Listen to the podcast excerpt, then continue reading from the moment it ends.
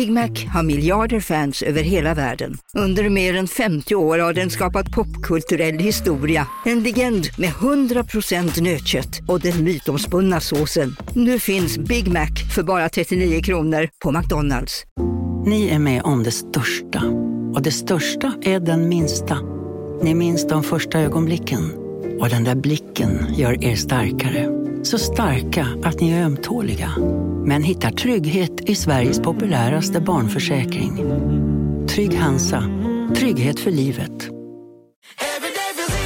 Som medlem hos Circle K är livet längs vägen extra bra. Just nu får du som ansluter dig 50 öre rabatt per liter på de tre första tankningarna och halva priset på en valfri biltvätt. Och ju mer du tankar, desto bättre rabatter får du. Välkommen till Circle K.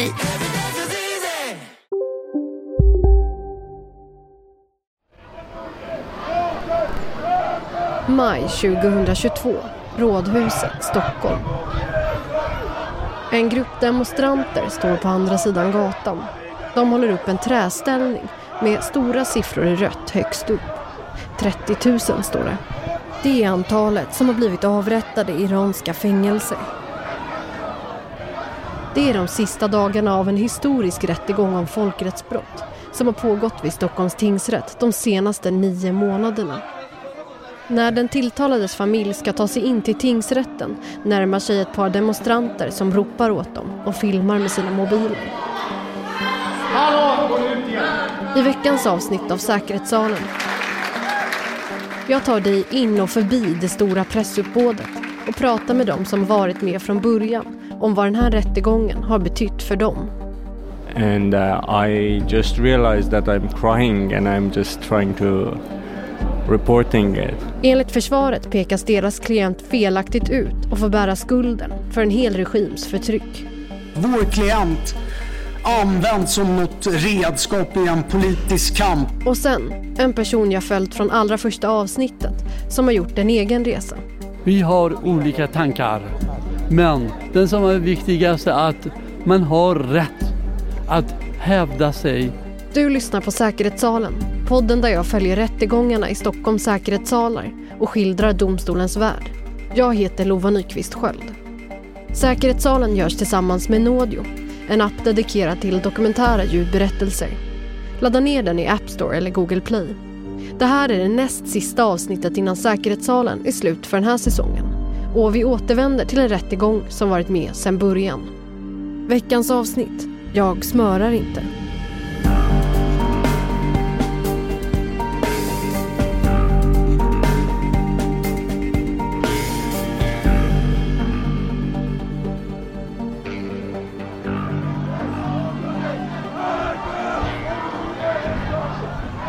En kö ringlar sig upp för trappan in till Stockholms tingsrätt. På andra sidan av Skelegatan, precis mitt emot huvudingången, har demonstranter stått nästan alla hundra förhandlingsdagar.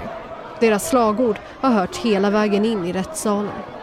Rättegången har till och med behövt avbrytas när de varit så högljudda att det stört. Demonstranterna sympatiserar med några av dem som den här rättegången handlar om. Folkets Mujahedin Iranska folkets Mujahedin är en politisk rörelse som motsätter sig regimen och vill skapa ett nytt sekulariserat Iran. Vid tiden som åtalet handlar om, på 80-talet, förde organisationen en väpnad konflikt mot staten. Folkets Mujahedin har tidigare varit terrorstämplat i flera länder. En stämpel som nu har tagits bort. Under rättegångens slutskede har åklagarna hållit sitt slutanförande. En av kammaråklagarna, Martina Winslow, efter nästan 100 dagars förhandling så ska åklagarsidan börja med att försöka summera det här målet på ett övergripande sätt. Rättegången handlar om en man i 60-årsåldern som står åtalad för folkrättsbrott och flera fall av mord. Brotten ska ha skett i samband med massavrättningar i fängelset Gohardasht i Iran 1988. Åklagarna säger att avrättningarna ägde rum efter ett beslut av landets då högsta ledare genom en så kallad fatwa Enligt fatwan, som är som en slags order, skulle alla fängslade anhängare och sympatisörer till rörelsen, iranska folkets mujahedin, avrättas. Trots de här protesterna så kommer fatwan att följas. Vilket då resulterar i att tusentals människor avrättas under bara några veckor i iranska fängelser. Och regimen ansträngde sig då för att det här inte skulle bli känt för allmänheten. Mannen som nu står åtalad är misstänkt för att som anställd vid Gohardasht-fängelset varit delaktig i att verkställa avrättningarna. Totalt handlar det om ett hundratal människor som ska ha fått sin dödsdom av den så kallade dödskommittén som var fängelsets egna domstol. I en lång och detaljerad genomgång visar åklagarna upp dokument och bevisning för flera olika personer som ska avrättats. Datum, namn, hur de dödats och vart de omnämns. Och det hela landar i en huvudsaklig poäng från åklagarsidan. Åklagare Kristina Lindhoff Karlsson. Jag menar att det viktigaste med den här bevisningen är att visa att respektive fånge fanns på Guardasht under avrättningarna och att de efter avrättningarna inte finns längre. Åklagare Martina Winslow. Så har vi i den här förhandlingen framför allt tagit del av både gripande och oerhört tragiska berättelser. Dels från både de som själva har suttit fängslade och med nöd och näppe undkommit att avrättas. Men också har vi hört en liten del av alla de personer som har mist en nära anhörig i de här avrättningarna. Sammantaget så har vi då 35 målsäganden och 26 vittnen som alla har gett en väldigt tydlig bild av struktur, organisation och grymhet. Åklagarna yrkar på livstidsfängelse. Mannen greps i Sverige under minst sagt ovanliga omständigheter. Han lurades hit av en man som själv överlevt avrättningarna och idag bor i Sverige. Tillsammans med andra exiliranier gillrade de en fälla där mannen lovades fester och kvinnor. Polis och åklagare fick reda på att mannen planerade att komma till Sverige och stod beredda. När han november 2019 kliver av flygplanet på Arlanda möts han istället av poliser. Och direkt på landningsbanan blir han gripen. Mannen har genom hela utredningen och rättegången nekat till brott. Dels säger han att han inte var anställd på Goardasht utan vid ett annat fängelse. Dels att han var föräldraledig tiden när massakern inträffade. Nu är det rättegångens näst sista dag. Längst fram i kön står en vakt som släpper in en person i taget till säkerhetskontrollen. När den tilltalades familj ska ta sig in i byggnaden börjar flera skrika och filma. Hallå, gå ut igen! Till slut blir det min tur att gå igenom säkerhetskontrollen. Och sen gå de två stentrapporna upp till sal 37, den gamla säkerhetssalen. Utanför väntar internationell media och vad jag kan se en journalist från TT. När jag tar mig fram till klungan får jag också syn på Reza Haji Hosseini, en journalist som jag har träffat tidigare under rättegången. Han jobbar för en nyhetssajt som heter Samane Media. De har sitt huvudkontor i Amsterdam, men han är stationerad i Malmö. Sajten rapporterar från hela världen om Iran och andra persisktalande länder. Reza Haji Hosseini bevakar specifikt frågor som rör mänskliga rättigheter och har gjort en hel del jobb som gäller just avrättningarna i Iran. Jag pratade med honom i höstas när det var förhör med den tilltalade. Då berättade han att det finns ett stort intresse för rättegången. Yeah, the most uh, the families and those who I mean uh, those who have um, I mean, bad experiences of uh, regime, and uh, mostly they're out of Iran and uh, they're somehow refugees, and uh, now it's more than 10, 30 years that they're, they're out. And then another group that uh, I can mention is the youth in Iran. That they don't they don't have so much uh, information and knowledge about this period of the uh, Islamic Republic history. So uh, for them is uh, also interesting I think. Det är många som vill komma in och det finns totalt 20 åhörarplatser i huvudsalen. Främst för media som anmält intresse i förväg. Hur mycket folk som ska få plats? ja, det är bara 20 platser. Ja. Är du registrerad? Ja, jag har. Men två stolar här inne är för allmänheten. Det är för att de i vart fall ska se någonting i salen där förhandlingarna äger rum. En ordningsvakt håller koll och ser till att åhörare byter av varandra. Alla får några minuter var. Nu är det försvarets tur att inleda sin sakframställan. Den är planerad att pågå hela dagen och en bit in på morgondagen. Längs ena sidan av salen sitter målsägande. Vid ett bord bredvid sina två försvarare, den åtalade.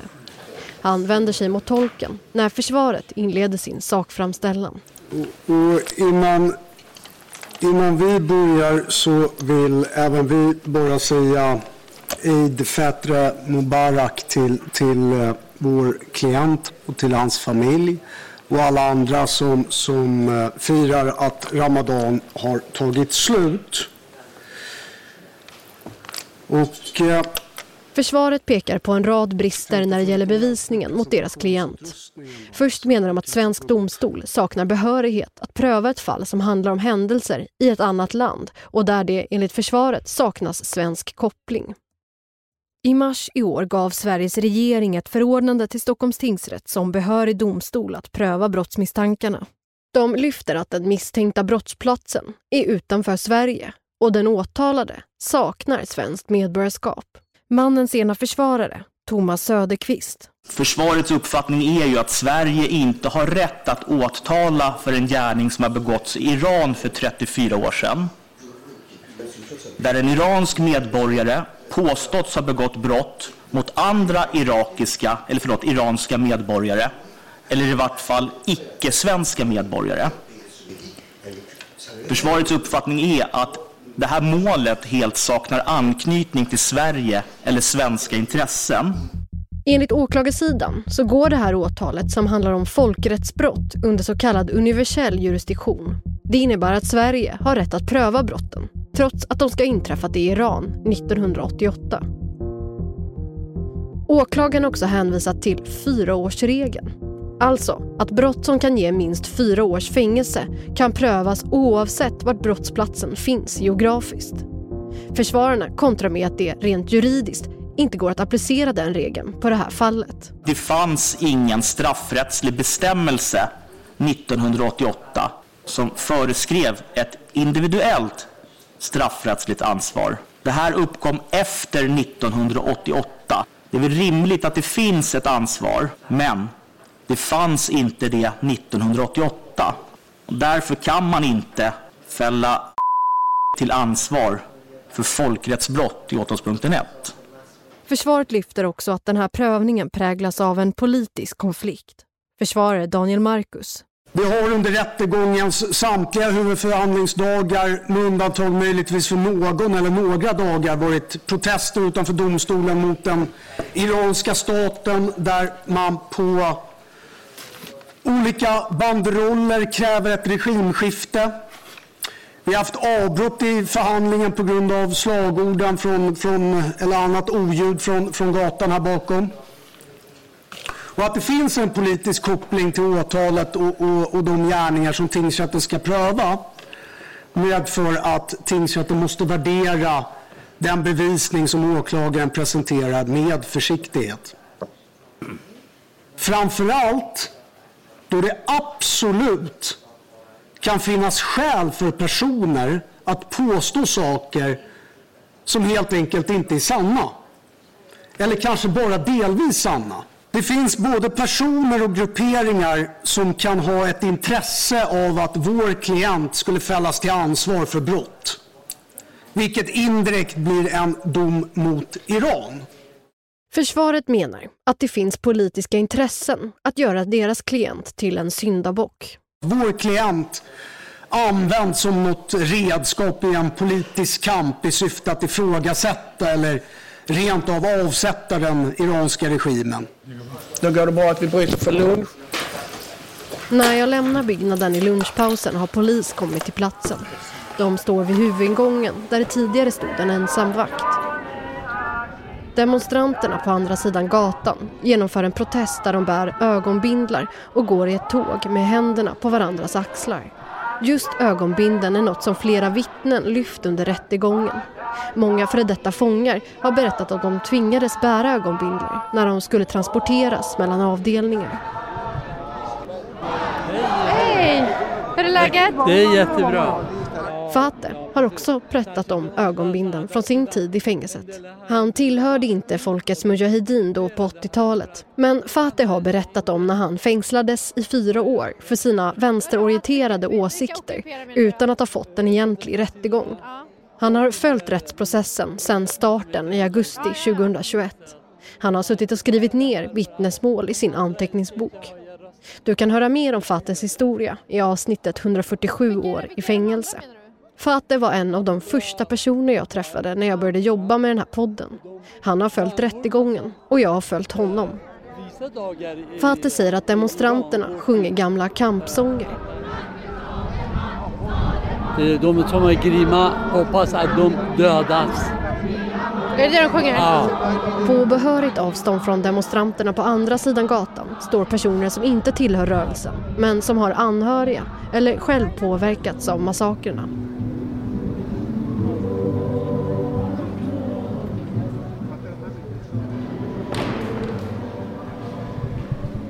När jag kommer upp till hallen utanför rättssalen inför att förhandlingen ska återupptas träffar jag på Reza Haji Hosseini igen, reporten på Samane Media.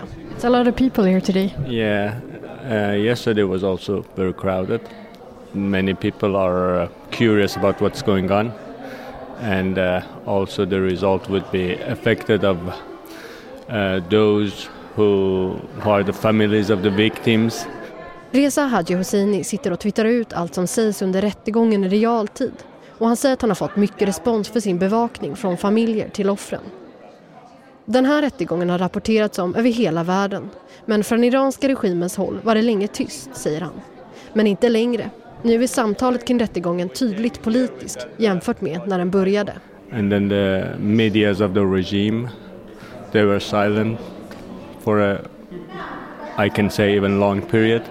But now they started to cover it and they have published many stories.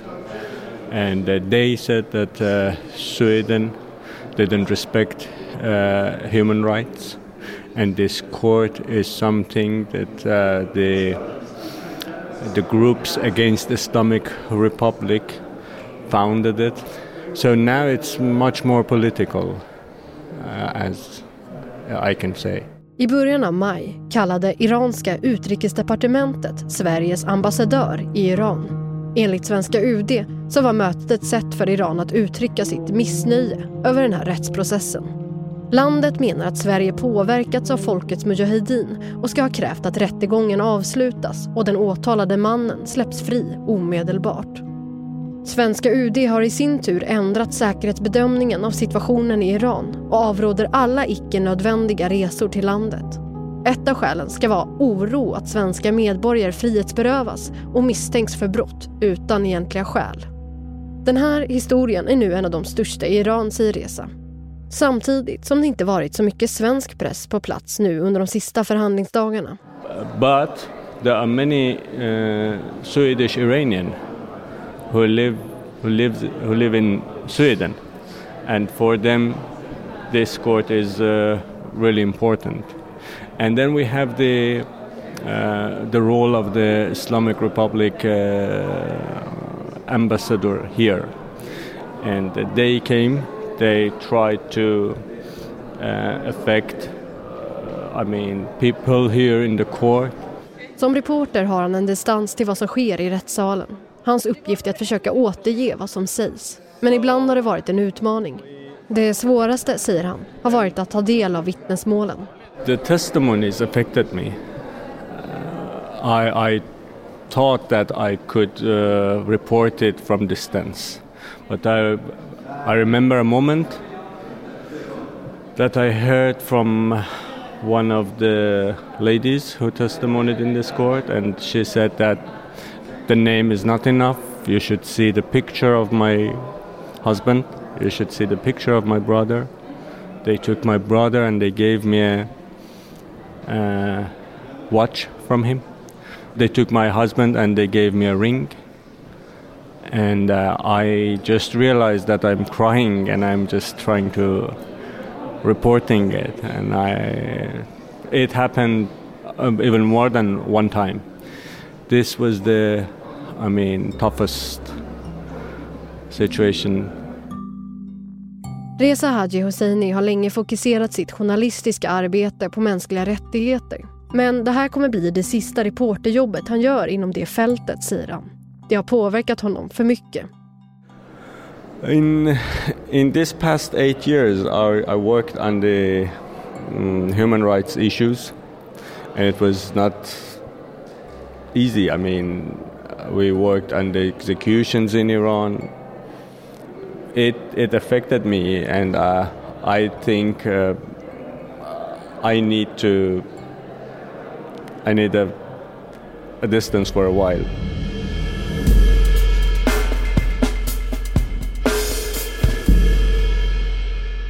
Säkerhetssalen görs tillsammans med Nådio. Under våren så består vartannat avsnitt av kortare berättelser och fördjupande intervjuer.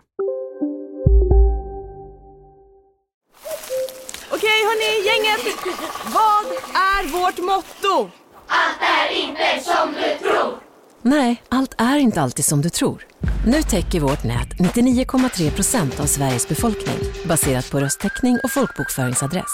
Ta reda på mer på 3.se eller i din 3-butik. Hej, Susanne Axel här. När du gör som jag och listar dig på en av Krys vårdcentraler får du en fast läkarkontakt som kan din sjukdomshistoria. Du får träffa erfarna specialister, tillgång till lättakuten och så kan du chatta med vårdpersonalen. Så gör ditt viktigaste val idag, listar dig hos Kry. Hej, Synoptik här. Livet med glasögon ska vara bekymmersfritt. Därför får du 30% på alla glasögon när du väljer Synoptik All Inclusive. All service ingår alltid. Välkommen till Synoptik. Dessa publiceras bara i Nådio-appen. Förra veckan handlade det om Seraya som är en av dem som jag träffade i samband med rättegången om folkrättsbrott. Hon berättade om sin tid i fångenskap i Iran när hon frihetsberövades med sin son som då var 56 dagar gammal.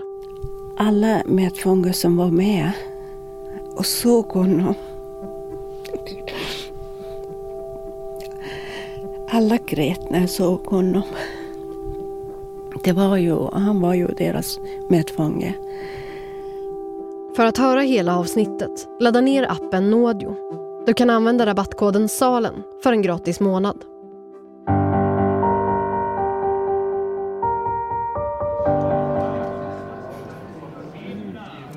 Den 4 maj har vi nått den sista dagen av den här rättsprocessen. Ett av målsägandebiträdena, Kenneth Lewis, står och pratar med ett par åhörare.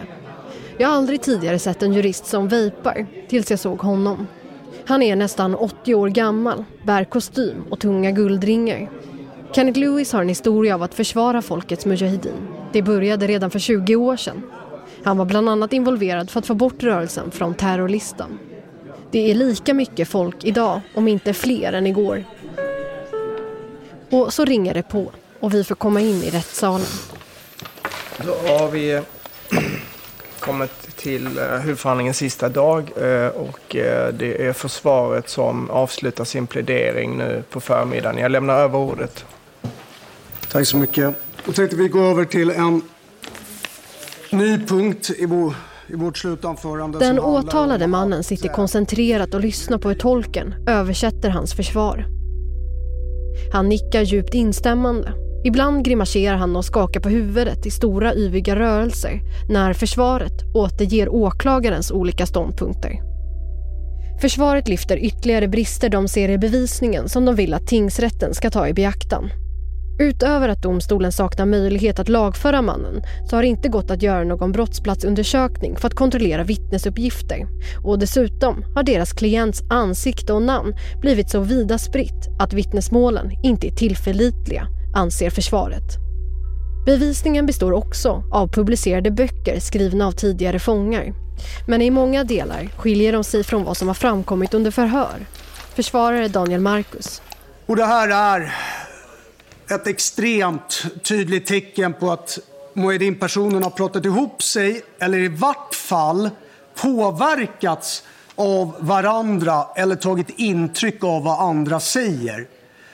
Om det är något som har blivit tydligt i det här målet så är det just att historierna, vad som ska ha skett, har ändrats i hög utsträckning över tid.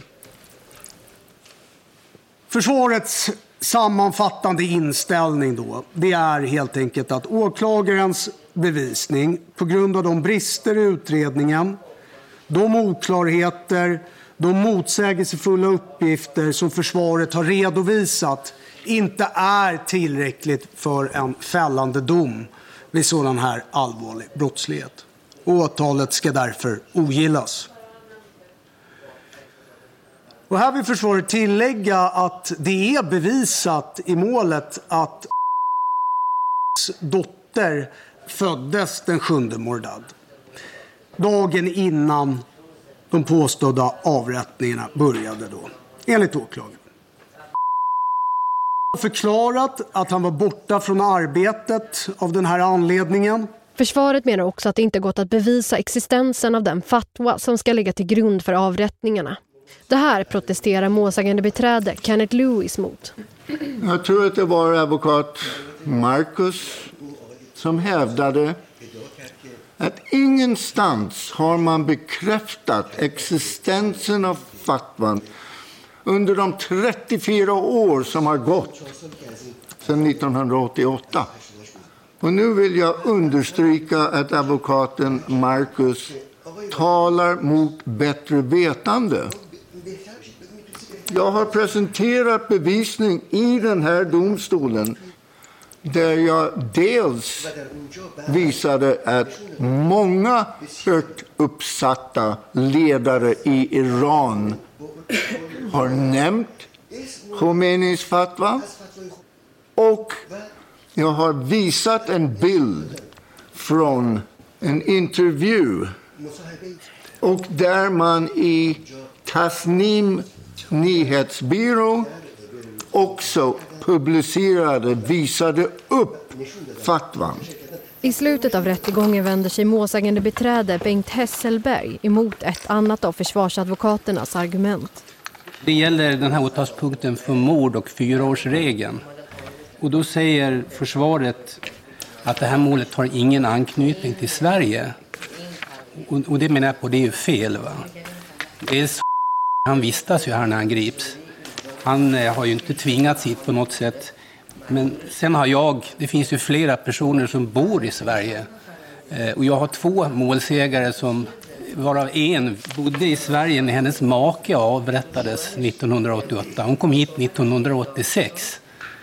Och eh, kom hit 2001. Och båda två är ju svensk, svenska medborgare sedan lång tid tillbaka. Tack så mycket för det. Ordförande och domaren Thomas Sander tar ordet. Så, då var vi framme vid huvudförhandlingens avslutande och eh, jag har blivit informerad om att ville ta till orda då avslutningsvis här och eh, jag, jag lämnar över ordet till du får, du får slutorden här helt enkelt i den här rättegången. Vilket är ju fullt rimligt också. Varsågod. Den åtalade mannen vänder sig mot tolken. Han börjar med att säga hej till alla som lyssnar, till sin familj och säger att det han nu ska säga inte är något negativt. Han vill tacka en speciell person. Det är mannens tolk vi hör här. Det här är viktigt att jag säger det här och nu. Jag tackar dig Thomas Sander, ordförande Thomas Sander, för att du har lett den här rättegången på ett utmärkt sätt och har varit rättvis i din behandling i den här domstolen. Observera, jag säger att det är unikt alltså. Inte att det är lite unikt utan helt unikt det du har gjort. Eh, jag gratulerar din fru alltså att eh, de har en sådan man i sin familj alltså. Och sen passar jag på att tack, eh, gratulera hela Sverige, alltså Sveriges myndigheter och eh, staten och regeringen att de har en sådan domare som, som du alltså och hela eh, rättsväsendet att de har sådana här mäktig och eh, bra domare. Thomas Sander, rättens ordförande, sitter tyst. Den åtalade mannen pratar med stor emfas. När han säger att han inte smörar så skrattar åhörare till. Det gör de vid flera tillfällen under hans slutord. Sen säger han något som är lite mer framåtblickande. Han börjar prata om nästa instans, hovrätten. Och jag hoppas att domen ifrån dig eh, och Ers nåd och sen senare domen ifrån eh, hovrätten kommer att leda och, eh, eh, till fred, vänskap, kärlek, alltså omtanke bland alla människor i världen. Han säger att han inte är ledsen, arg eller hyser agg mot någon. Att åklagarna gjort det som låg i deras uppgift och försvaret i sin. Och nu kommer vi till sista ordet. Hoppas att de här vännerna har varit målsägande och vittnen vid detta mål. Att med Guds hjälp ska de sitta och tänka lite mera på att om det är möjligt att de ska minska eller helt och hållet avsluta det här, eh, det här hämnd, hämndaktiga eh, känslorna eller eh, fiendskapet och eh, mot det iranska folket, mot de iranska myndigheterna och avsluta det hela. Han säger att Gud ska vara med det iranska folket. Klart. Stort tack för det då för de slutorden. Vi därmed avslutar förhandlingen och innan jag gör det vill jag eh, på rättens vägnar då rikta ett stort tack till samtliga. Och eh, ett särskilt tack eh, till tolkarna för deras insatser i den här rättegången. Tack. Förhandlingen är, är därmed avslutad eh, och eh, tingsrätten ger följande beslut. Dom i målet meddelas den 14 juli 2022. Vara kvar i häktet till dess domen meddelas eller något annat beslutas. Åklagaren har inte längre rätt att meddela restriktioner. Slut. Trevlig dag. Tack så mycket. Eftersom hans restriktioner lyfts får den tilltalade mannen nu gå fram och prata med sin familj. De går mot honom i rättssalen. Samtidigt skyndar sig journalister ut i rummet för att göra intervjuer och live-rapportera till sina redaktioner. När dörren ut till hallen smälls upp står massor av folk utanför. Och när målsägande beträdet, Kenneth Lewis, kommer ut så börjar vissa att applådera. Runt om honom flockas journalister och personer håller upp mikrofoner och mobiltelefoner. Han svarar på några frågor. Jag passar på att fånga honom när han är på väg ut. Eh, det har varit en lång, mycket omfattande rättegång. Men enligt min uppfattning så är bevisningen inte bara övertygande utan överväldigande. Och det är min förväntan att han blir dömd. Det intressanta är att själv sa i sina avslutande kommentarer att han hade fått en mycket rättvis rättegång här i tingsrätten och han såg fram emot att även få en rättvis rättegång i hovrätten. Så det verkar som om även han inser att han kommer att bli dömd. Jag har arbetat eh, tillsammans med mina klienter och eh, Folkets Mujahedin sedan 2003. Så att eh, jag, jag, förstår att de ville att jag skulle företräda dem därför att jag kan deras historia. Och det gjorde skillnad i den här rättegången för det är jag som har haft kunskapen och har kunnat presentera det för rätten.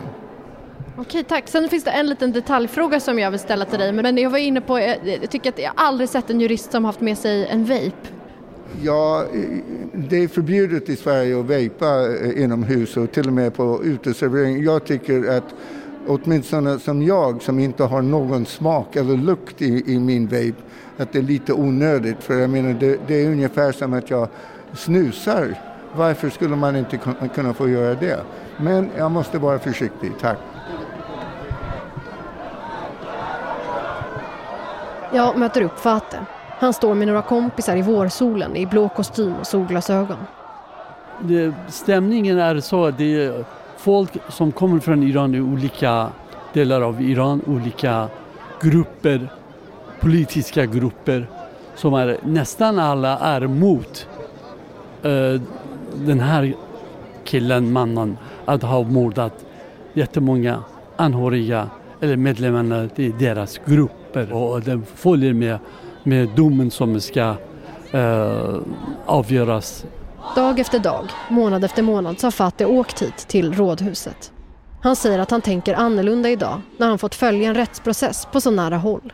Och att rättegången skiljer sig så mycket från när han blev dömd i Iran. Utan en riktig rättegång och utan advokat.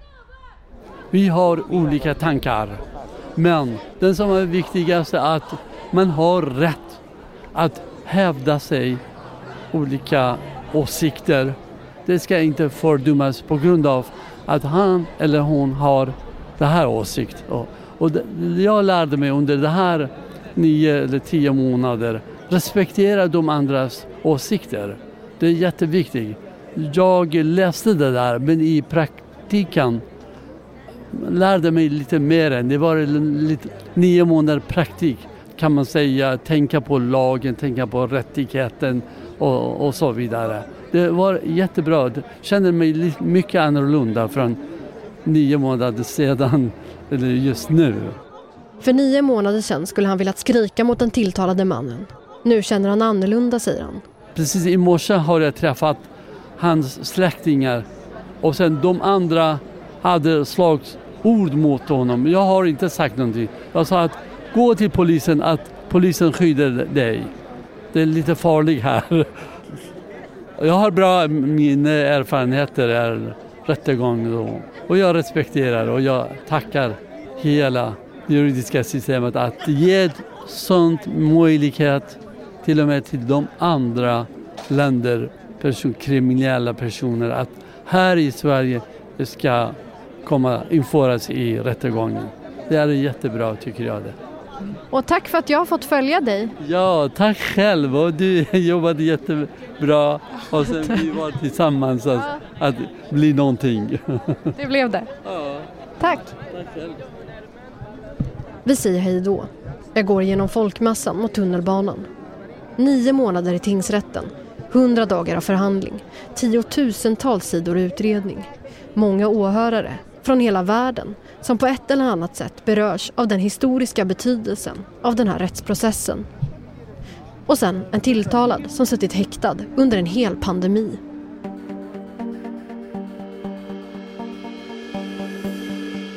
Idag var ett tydligt avslut, men det är egentligen inte helt över. Jag tänker på det som den åtalade mannen sa i slutet av rättegången, något som Kenneth Lewis också nämnde. Och jag hoppas att domen ifrån dig och sen senare domen ifrån hovrätten. Det kommer med allra störst sannolikhet bli en ny prövning. Frågan är hur lång den blir.